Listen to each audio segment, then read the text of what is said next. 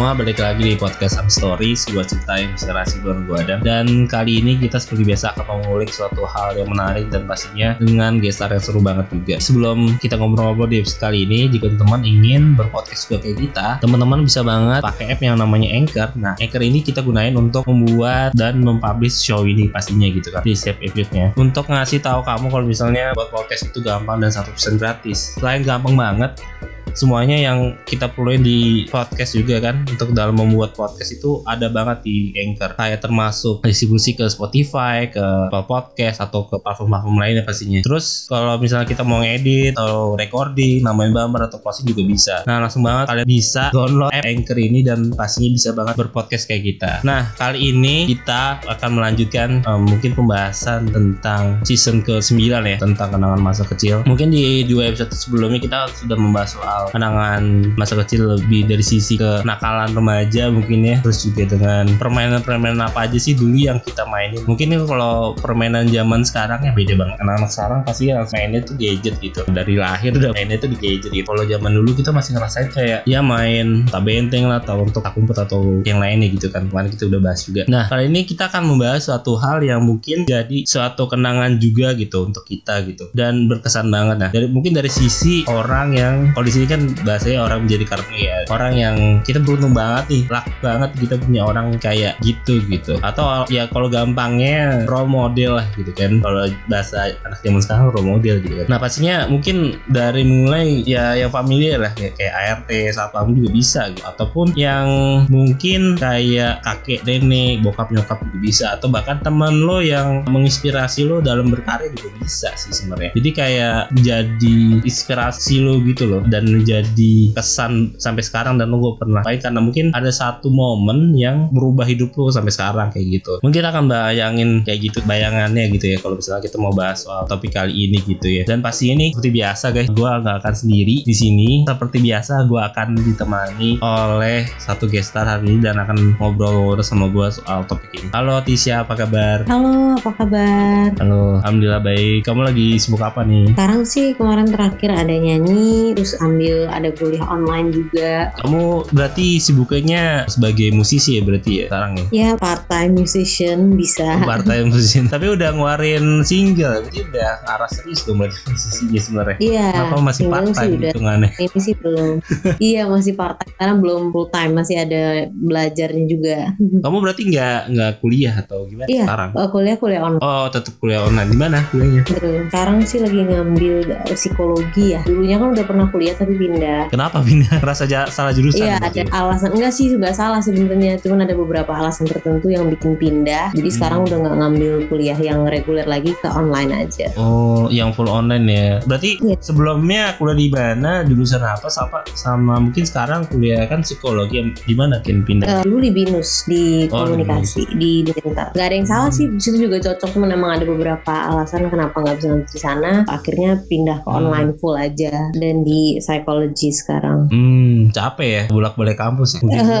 Sebenarnya deket sih adalah pokoknya ada beberapa alasan emang yang Hmm. nggak bisa lanjut di sana Iya, soalnya aku tuh baru banget kemarin bahas tentang membangun karir dan sempet banget ngomongin soal salah jurusan juga. Aku pikir kayak salah jurusan itu gimana kan. Komunikasi juga bagus ya, karena aku juga, walaupun sekarang kan mungkin ini kan sebelumnya kan manajemen, terus sekarang malah bergerak di bidang komunikasi ya media gitu kan, buat podcast gitu. iya kadang suka gitu kadang suka gitu ya bolehnya apa bergeraknya bidang apa mungkin kita ngomongin soal ini kan apa ya masa kecil ya. Masa kecil kamu gimana sih waktu dulu gitu? Eh, masa kecil justru lebih banyak kesibukannya. Kesibukan karena kebetulan emang hobi tuh udah ketahuan dari kecil gitu sama mama jadi langsung disalurkan di situ. Dulu berarti kan emang berarti hobinya kan nyanyi emang udah disaluri dari dulu gitu ya. Nah tapi ada nggak sih mungkin selain emang arahnya dari ke karir gitu kan masa kecil kamu tuh yang berkesan gitu buat kamu gitu? Oh, dulu karena waktu kecil tuh emang banyak kegiatan sih. Sebenarnya tuh sangat berkesan sih waktu kecil. Udah di les-lesin macem-macem pasti ya? Iya banyak les dulu kan. Ada les pasti Hmm. nyanyi terus les balet juga pernah les modeling juga.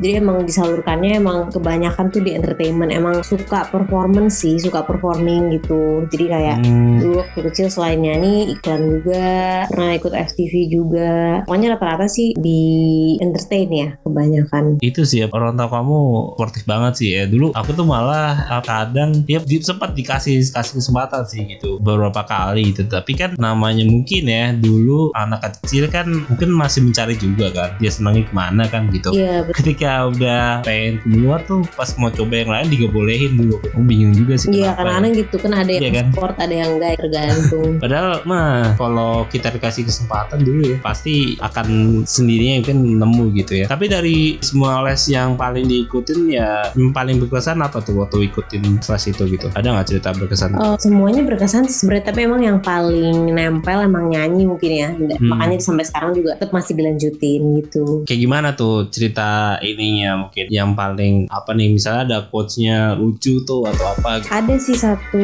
cerita yang agak justru ini yang pas pertama kali mama discover tuh aku suka nyanyi gara-gara dulu waktu masih kecil kalau waktu itu lagi liburan ke Anyer kayaknya terus Mhm. ada panggung ada band gitu-gitu terus aku naik ke atas panggung terus yang udah ikut nyanyi bareng-bareng sama bandnya gitu nah dari situ sih mama kayak udah mulai nyadari wah kayaknya nih sukanya ke arah nyanyi kayaknya gitu dari situ sih yang mulai ketahuan Akhirnya kenapa yang model sama balet itu nggak ke arah sana kenapa tuh waktu itu? mungkin emang kan kalau masih kecil masih mencari-cari ya coba-coba Iya. passionnya lebih ke nyanyi sih Mungkin kan tadi soal ke arah karir gitu kan. Mungkin kenangan berarti kan Yes. dari dulu udah mungkin diarahkan ke ya performing kayak model, balet atau sama nyanyi kan sampai sekarang bahkan jadi penyanyi juga. iya betul Ini ya mungkin ini ya soal kenangan masa kecil yang selain hobi mungkin dari kenakalan kali ya. Ada nggak waktu kecil tuh sempet nakal-nakal nggak sih dulu? kenakalan sih nah karena banyak sibuk juga jadi kayak nggak yang terlalu banyak tapi main tetap main sama teman-teman gitu, Hmm. cuman kebanyakan banyak aktivitas sih tipenya emang rada ambis ya sukanya yang banyak aktivitas gitu Gak ada mungkin spare waktu untuk nakal-nakal sama temen gitu ya lebih ke jalannya nakal-nakal aktivitas itu ya. ya.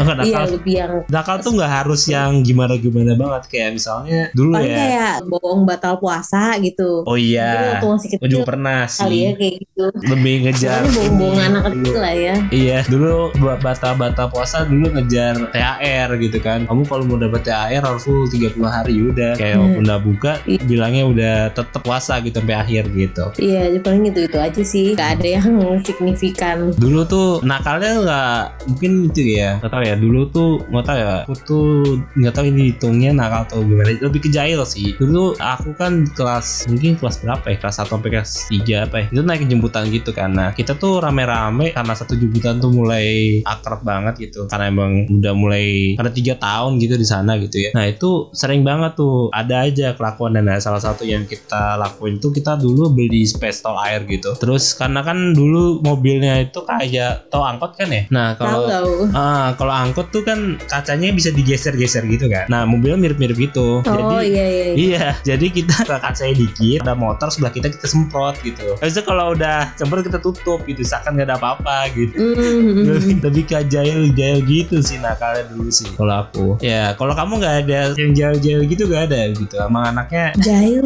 banget. Enggak ya, iya tipenya rada-rada ambis gitu sih Agak-agak perfeksionis soalnya Jadi. Maunya yang lebih kayak "Heeh, Lebih yang kayak ikut ini, ikut itu gitu Paling yang kayak gitu kayak bohong-bohong kenakalan anak kecil doang sih Itu waktu kecil banget, mungkin dari SD kali, SMP gitu. SMP, Ya itu SD SD, SMP dulu gimana? Nah SMP tuh udah mulai lebih santai Udah yang gak seambis Ambis waktu itu. kecil sih Iya. Mm-mm. Gimana waktu SMP tuh? Iya lebih yang santai, lebih banyak main, main sama teman kayak gitu-gitu.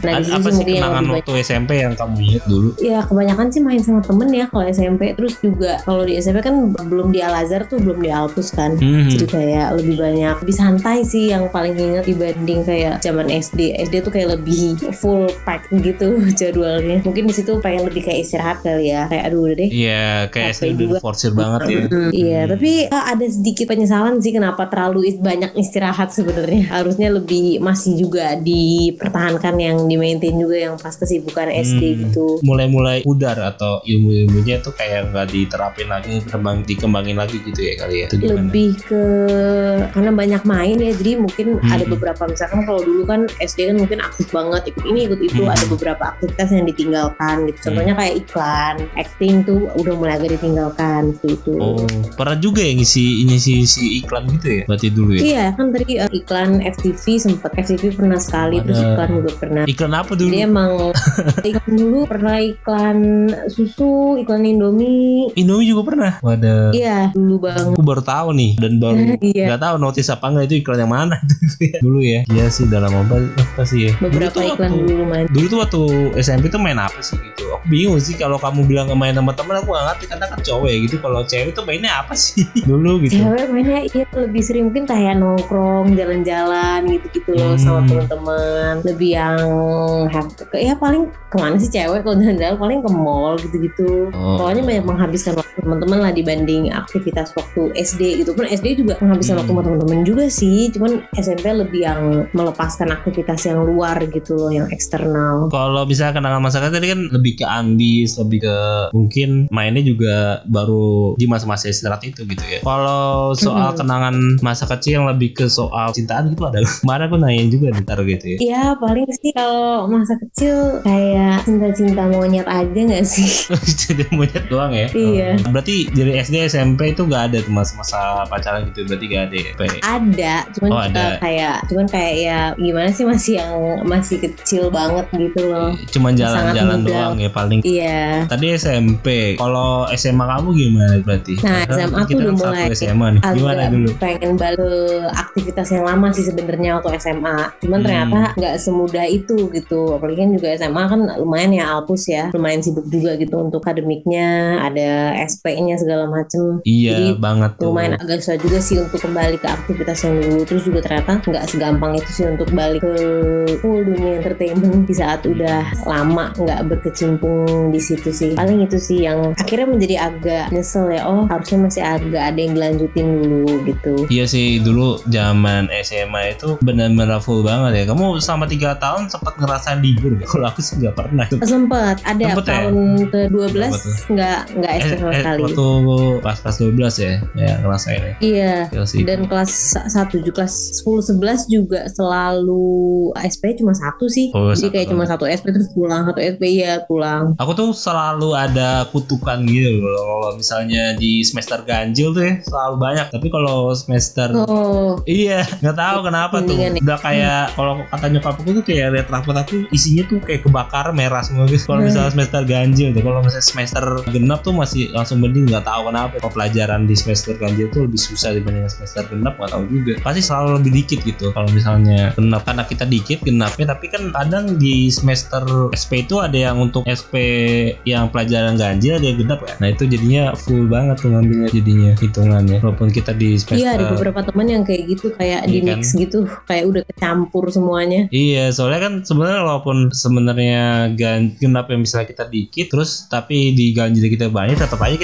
ngulang yang ganjil itu kan jadi. Ya kenangan itu sih, jadi bener-bener. nggak libur, orang-orang pada libur ke mana gitu ya kan. Tapi itu berasa banget sih, jadi karena emang sistemnya kita dulu waktu sekolah itu sama kayak kuliah gitu ya, jadi berasa sih lebih sama sih soalnya. Jadi kan ada yang lebih cepat, ada yang lebih lama gitu. Jadi ya udah dulu tuh dimatiin. Tapi secara lingkungan pergaulan dulu di antara SD, SMP, SMA, kamu lebih nyaman ke mana dulu? Alhamdulillah tiga-tiganya nyaman sih. Semuanya Hmm. ada di setiap jenjang sekolah punya sahabat. Punya sahabat ya? Punya. Hmm. Tapi berarti berarti SD, SMP, SMA tuh beda-beda. SD SMP sama-sama di Alex.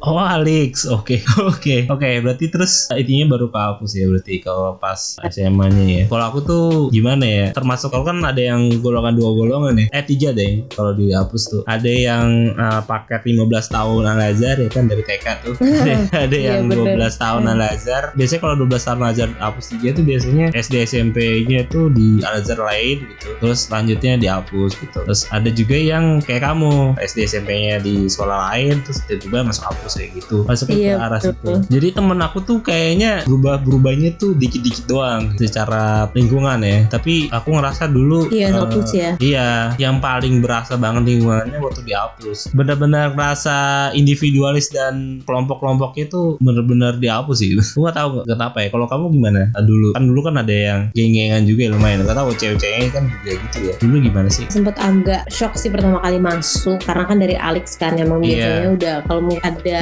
SMA mungkin tetap lanjut di situ kayaknya. Iya. tapi makanya. karena emang dia jadi pindah jadi awalnya agak kikuk juga sih beradaptasi lagi karena biasanya selalu di sekolah yang sama kan Hmm. tapi setelah itu sih setelah udah kelas 2 kelas 11 tuh udah udah mulai enjoy tuh Iya, dulunya pertemanannya. kalau kelas 10 kan kita kalau kayak kalau ketemu orang kak kak kak dulu kan. Iya. Iya kayak gitu-gitu Nah Iya itu yang kan? bikin kayak agak Waduh gini banget ya ternyata Awalnya kayak gitu Iya, kok culture-nya itu gitu kayak ya. Oh ya iya tuh. mungkin emang Alpus Iya paling itu sih Kalau dari aku. Paling Alpus Hmm. 3 culture yang agak shocking itu sih. Iya iya iya. Merasa sih. Dulu tuh zaman aku kan aku emang Al Azhar juga tapi Al Azhar tuh kan lebih ke di Bintaro gitu ya. Untuk kayak pertemuan kelas harus manggil kakak-kakak gitu gitu kayak nggak ngerasain sih dulu tuh. Kayaknya istilahnya kalau dulu kan tatarit nggak sampai segitunya. Harus sampai ngalamin juga nggak tahu zaman kamu ngalamin juga nggak sih pas baru masuk itu disuruh beli stiker gitu? Dulu Iya kayaknya sempet iya ngalamin sempet juga deh. ngalamin ya Mm-mm. iya Iya jadi kayak oh bedanya di sini nih gitu mungkin emang apa emang SMA Hmm. kayak gini apa gimana tapi setelah itu kelas 11 dan selebihnya udah Iya main-main udah aja mulai sih mulai ini ya. Di kelas 10 aja sih yang mungkin mulai shock banget ya. Tapi juga selama tiga tahun itu dulu ya kan aku bingung sih nggak tahu sih. Pas pas SMA dulu tetap sempat ngikutin ekskul juga sih? ekskul kebetulan nggak sama sekali tuh Nggak sama sekali. Kenapa? Mm-mm. Gak ada yang cocok. sempat ikut ekskul musik tapi akhirnya nggak cocok juga sih karena waktunya ya karena kan aku cukup sore ya pulangnya jadi Iya. kayak adanya kesempatan Jam kalau empat ikut terus ya. lagi Dulu tuh emang aku kan penggila bola ya dari dulu ya. Dulu tuh di Alvin tuh dari SD sampai SMP futsal terus kan. Nah kalau di Alpus kan dia mini soccer ya. Aku pikir tuh dulu di Alpus tuh kita udah punya juga pelatih gitu juga. Pelatih seleksinya ketat juga gitu. Nah Hmm. awal-awal tuh ada pas kelas 10 tuh kayaknya kita masih latihan. Kayak aku pikir latihan rutin gitu dan segala macam. Eh ternyata pas lama kelamaan kok berubah gitu. Gak ada pelatih terus juga latihan yang gak jelas gitu. Terus yang kalau main tuh geng-gengannya ini ya gitu. Dulu kan ada dua geng ya dulu ya di apa sih terkenal gitu. Civa sama Kamsis kan gitu. Nah yang main tuh selalu di oh anak- iya iya iya Iya, rata-rata main yang main anak kampus semua ya gitu. Kok bingung kok gitu. Nggak ada seleksi ada apa gitu sih. Sampai aku kasih Iya, dia iya. gitu. sampai gitu terus culture-nya gitu. Jadi akhirnya aku nggak ekskul lagi gitu. Hmm, Jadi kehilangan kesempatan untuk olahraga juga sih. Lumayan ini ya, berasa gitu dulu. iya lumayan Mungkin ya kita akan masuk soal. Tadi kita udah ngulik soal kenangan dulu ya zaman dulu mungkin. Nah kita mungkin di zaman kita kecil gitu pasti ada dong orang yang berkesan banget untuk kita gitu. Kira-kira kamu ada nggak sih yang menjadi role model gitu? Kalau aku kebetulan sih bukan cuma role model kecil ya, tapi juga Hmm. role model sampai sekarang yang emang tetap sama dari dulu tetap mama. Karena emang ya bisa dibilang dia best mom ya. Oh iya dong. Kayak Pasti. hmm, Kenapa tuh? dari emang mungkin nggak tahu ya dari dibanding bukannya aku bukan aku ngeliat aja gitu sekitar aku kan. Mungkin bisa dibilang aku kali yang paling deket sama mamaku yang bener-bener emang deket banget banget banget banget gitu. Hmm. yang emang dia tahu semuanya gitu loh. Dan dia juga menerima dan nggak pernah judge kalau anaknya cerita apa pun dia terima. Kan ada parent yang anaknya bilang apa terus dia udah marah duluan gitu kan. Kalau kayak gitu kan kita mau cerita aja juga jadi males kan. Aduh nggak usah deh mendingan nggak usah tahu dulu. Tapi kalau mama nggak pernah ada judgmental kayak gitu. Dia selalu menerima selalu support gitu yang Hmm. penting itu sesuatu yang positif Tapi mungkin yang kamu sering ceritain ke nyokap tuh apa sih dari dulu? Kalau dari aku sendiri sih banyak ya apa pun aku ceritain mau itu karir, mau itu Hmm. pertemanan, mau mungkin percintaan semuanya. Mama tahu semua dan begitu juga dengan mama, mama juga sebaliknya gitu cerita semuanya ke aku. Jadi kita emang emang sama-sama best friend for each other gitu sih, kayak sama-sama sahabatan gitu. Iya, Jadi emang kayak- dua-duanya bukan cuma aku doang yang cerita tapi dia juga cerita gitu. Kayak gak jauh ya umurnya juga ya berarti ya. Iya, jadinya kayak temenan. Tapi kenapa akhirnya kamu lebih deket sama nyokap daripada bokap? Nah kalau bokap kebetulan emang sering keluar-keluar, jadi kadang-kadang suka jarang ketemu juga. Eh, ini bokap Mm-mm. kamu tuh diplomat atau gimana? Enggak, enggak, enggak. Maksudnya kalau itu kan kerja kan. Terus kebetulan emang udah pisah juga. Jadi aku ikut mama. Oh, dari SD atau dari kapan tuh sorry? Dari SMP. Oh dari SMP. Ya berarti dari SMP udah emang udah bisa juga akhirnya kamu mutusin untuk ikut nyokap. Jadi emang lebih dekat sama nyokap juga gitu ya. Iya, emang udah ikut mama. Terus apa nih kira-kira yang selain mungkin tempat cerita juga siapa pun ya ceritanya gitu. Selain cerita tuh tempat buat cerita apalagi yang membuat nyokap kamu itu berkesan gitu buat kamu? Banyak sih sebetulnya. Kayak sebagai seorang mother, seorang mama juga dia role model aku lah. Misalkan aku punya anak. Aku juga pengennya pasti sedekat itu sama kalau aku punya anak gitu. Jadi Apalagi? banyak yang bisa diambil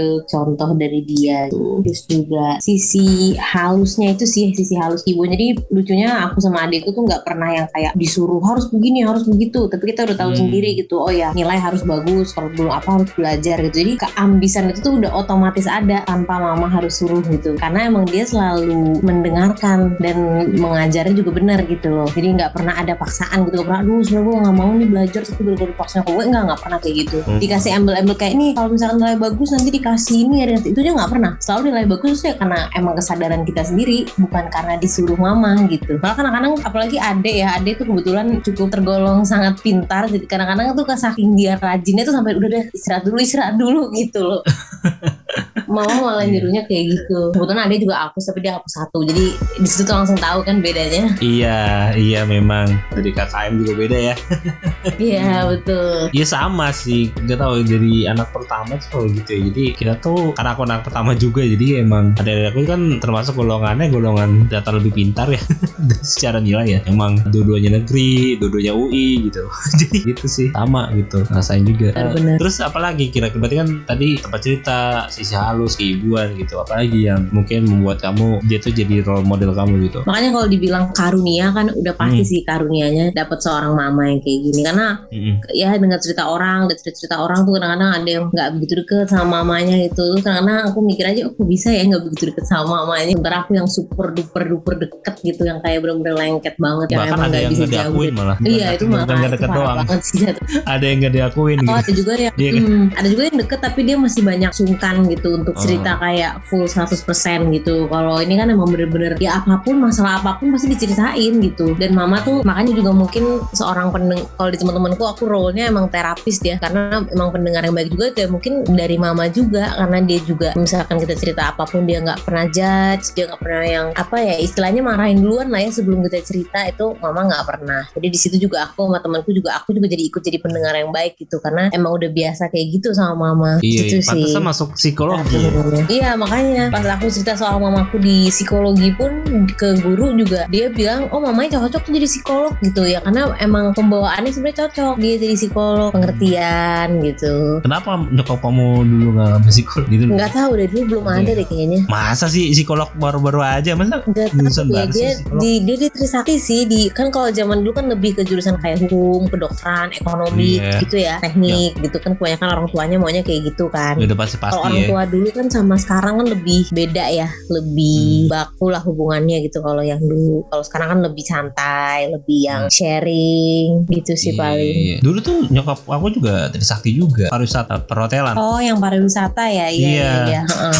Angkatan kalau mama baru tuh pertama tuh. Iya, kebanyakan kan emang orang-orang zaman dulu kalau nggak dapet UI kayaknya tersakti semua ya, kayak Trisakti binus semua. gitu ibaratnya Iya. kalau zaman sekarang. Iya bener banget. Mungkin apa sih dulu yang masalah yang pernah kamu paling berat nih dihadapin terus kayak karena kamu melihat di role model atau role model ini bantuin kamu gitu dan akhirnya kamu bisa ngatasin masalah yang berat itu. Si role model ini ya, si berarti si Iya. mama ya. Iya. Iya, jadi segala masalah dalam hidup ini ya karena ada dia jadi lebih enteng sih sebenarnya. Hmm, Itu yang tuh yang dia contoh jadi- mungkin masalah yang paling berat yang pernah Contoh yang tadi dibahas perpindahan kuliah itu sebenarnya emang bukan kuliah ya? keinginan aku gitu. Sebenarnya aku udah enjoy di situ, cuman karena emang satu dan lain hal yang membuat aku nggak bisa lanjut. Jadi karena emang satu dan lain hal emang nggak bisa di sana dan ya, itu jujur emang suatu hal yang bikin aku sedih sebetulnya. Hmm. karena emang bukan di bukan di luar keinginan aku di luar kemampuan aku udah bener-bener nggak bisa lanjut di sana dan situ kan role mama di situ penting banget ya untuk jadi emotional support aku untuk jadi yang tetap mengatakan udah nggak apa nggak apa-apa gitu loh karena di situ emang bener-bener ini banget sih kena banget banyak sih sebenarnya kejadian yang wah kalau nggak ada mama nggak tahu deh gimana gitu. Selain nyokap, ada lagi nggak mungkin yang orang yang berkesan di masa kecil kamu kira-kira? Selain mama mungkin aku tuh selalu bertiga ya Aku, mama sama Hmm. adik aku Jadi kita kayak best friend gitu bertiga Jadi Iya. kayak selalu mana-mana bertiga Jadi mungkin dia juga salah satu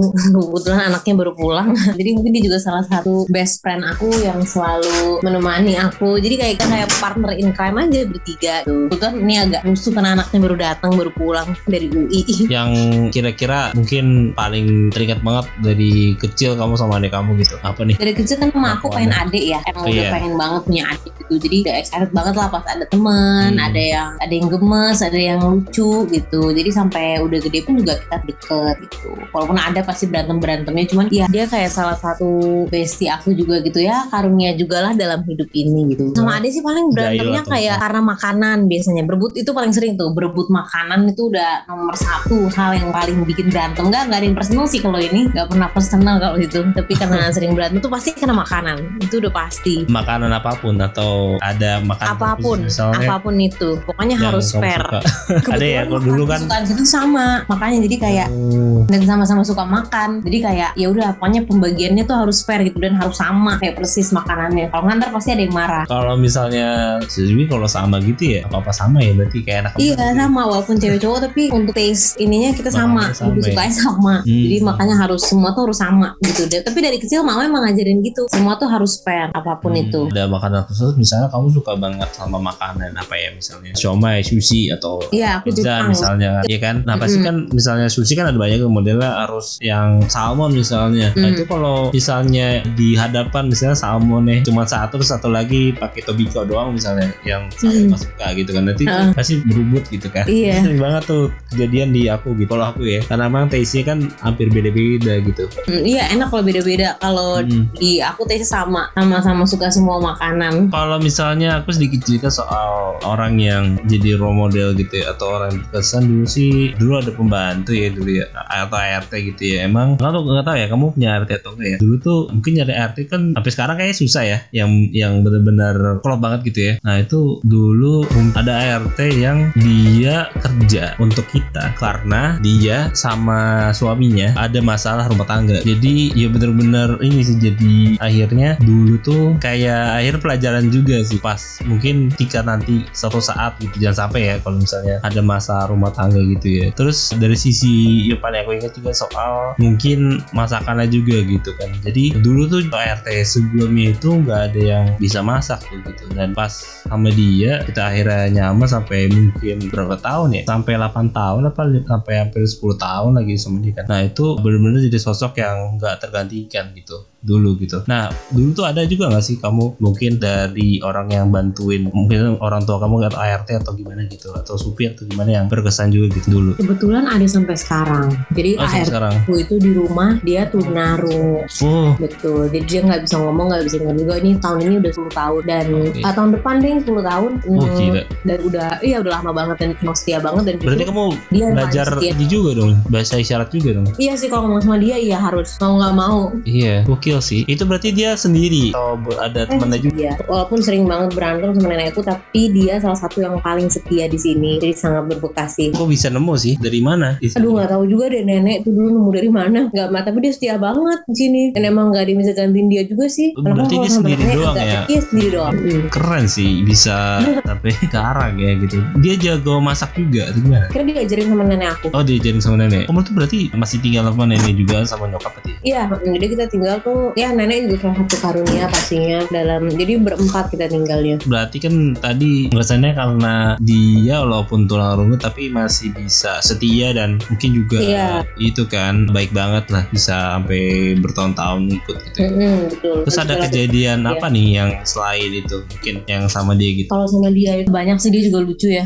apa tuh Dia yang lucu buat dia ya tingkahnya dia walaupun nggak bisa bicara tapi dia banyak ini banyak ngomong banyak tingkah jadi kayak kadang-kadang Tuh suka ngelucu gitu walaupun kadang suka agak ada berantem berantemnya juga sama nenek aku tapi ya ujung-ujungnya tetap aja dia di sini tetap aja dia setia di sini gitu loh Tadi kan soal ngomongin soal nenek kamu ya. Kira apa sih yang juga berkesan juga soal nenek kamu ini? kalau soal nenek aku sih nenek aku tuh beda tipe ya sama mama aku mungkin mama aku tuh Hmm. lebih halus nenek aku tuh yang lebih mungkin lebih nggak sabaran lebih yang kayak organized gitu loh orangnya jadi beda-beda Tapi dia juga jadi role model kamu atau lebih ke nyokap? mungkin ya? kalau role model sebagai ibu lebih ke mama cuman juga nenek tuh jago masak terus juga dia kayak dia ibu rumah tangga banget lah pokoknya bener-bener Hmm. housewife banget gitu lebih ke housewife-nya kalau itu yang jadi inspirasi kalau mama lebih role modelnya sebagai seorang ibu gitu sebagai seorang mama Selama kamu hidup tuh berarti role modelnya lebih ke arah karir, terus dalam juga berumah tangga nanti ya. Terus juga mungkin dalam partner juga tadi sama adik kamu, terus juga sama RT kamu juga mungkin gitu ya. Terakhir kali ya, apa sih pesan untuk teman-teman yang